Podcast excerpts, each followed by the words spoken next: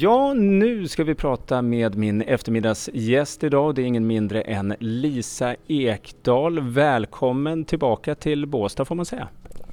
Tack, det känns härligt att vara i Båstad igen. Lisa, du ska spela idag på Papas Garden. Eh, vädret ser ut att bli alldeles ypperligt. Eh, eh det, kommer, det kommer bli väldigt intimt. Hur ser du på det? Det är en fantastisk kombination att både vara utomhus och ha den här backdropen av solnedgång. Jag satt där igår kväll och såg solen gå ner.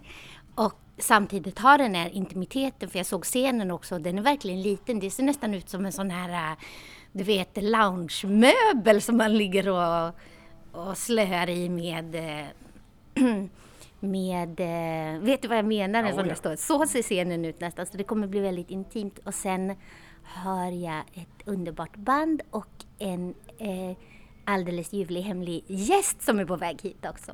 Oh, vad spännande! Du får inte avslöja det? Nej, jag tänkte att jag inte skulle göra det, men jag kanske gör det ändå. Jag säger vem det är. Det är den älskade eh, geniala skådespelerskan Vanna Rosenberg. Oj, det är ju jättekul ju. Och hon har ju, eh, vad heter du har ju eh, umgåtts och spelat med henne tidigare, eller hur? Hon är på somrarna här på, på Österlen.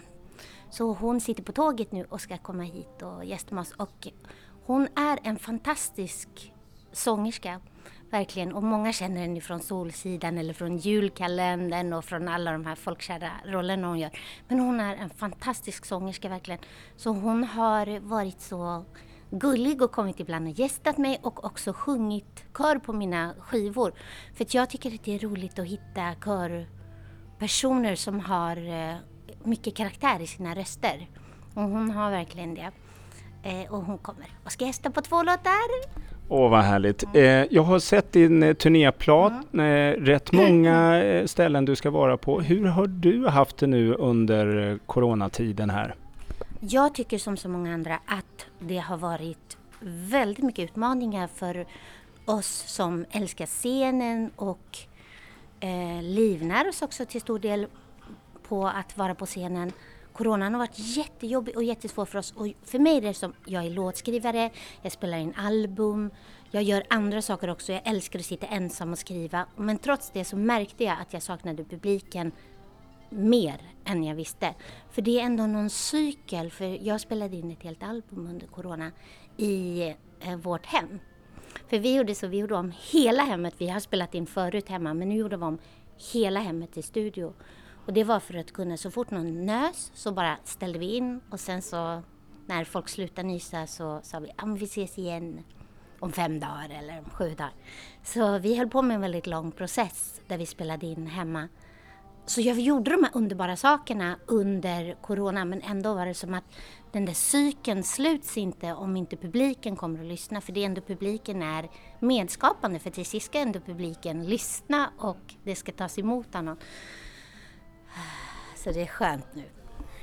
Eh, just det albumet du pratar om är väldigt speciellt. Mm. Eller jag, min, jag hade en fråga angående det. Är det väldigt speciella låtar för just dig? Jag tänker, den mm. heter ju Grand Songs mm. och det är ju väldigt stora sånger. Mm.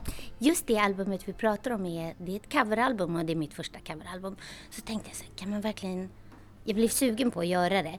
Och så tänkte jag, kan man verkligen göra ett coveralbum eller är det verkligen väldigt lökigt? Och speciellt jag som är låtskrivare själv. Och, och det är inte standard som i jazzvärlden, det känns som en annan genre. Men så tänkte jag så här, men om man kallar det för grand songs, är det inte som man bara slingrar sig undan hela den där lökiga känslan av att man bara drar en cover? För det är grand songs, det är stora sånger att ta sig an. Och sen har du ju faktiskt varit ännu mer produktiv för du har precis egentligen släppt en eh, ny singel. Ja, det är med den underbara eh, svenska countryundret David Richard som eh, kontaktade mig och undrade om jag ville vara med på en eh, kampsång som han hade skrivit.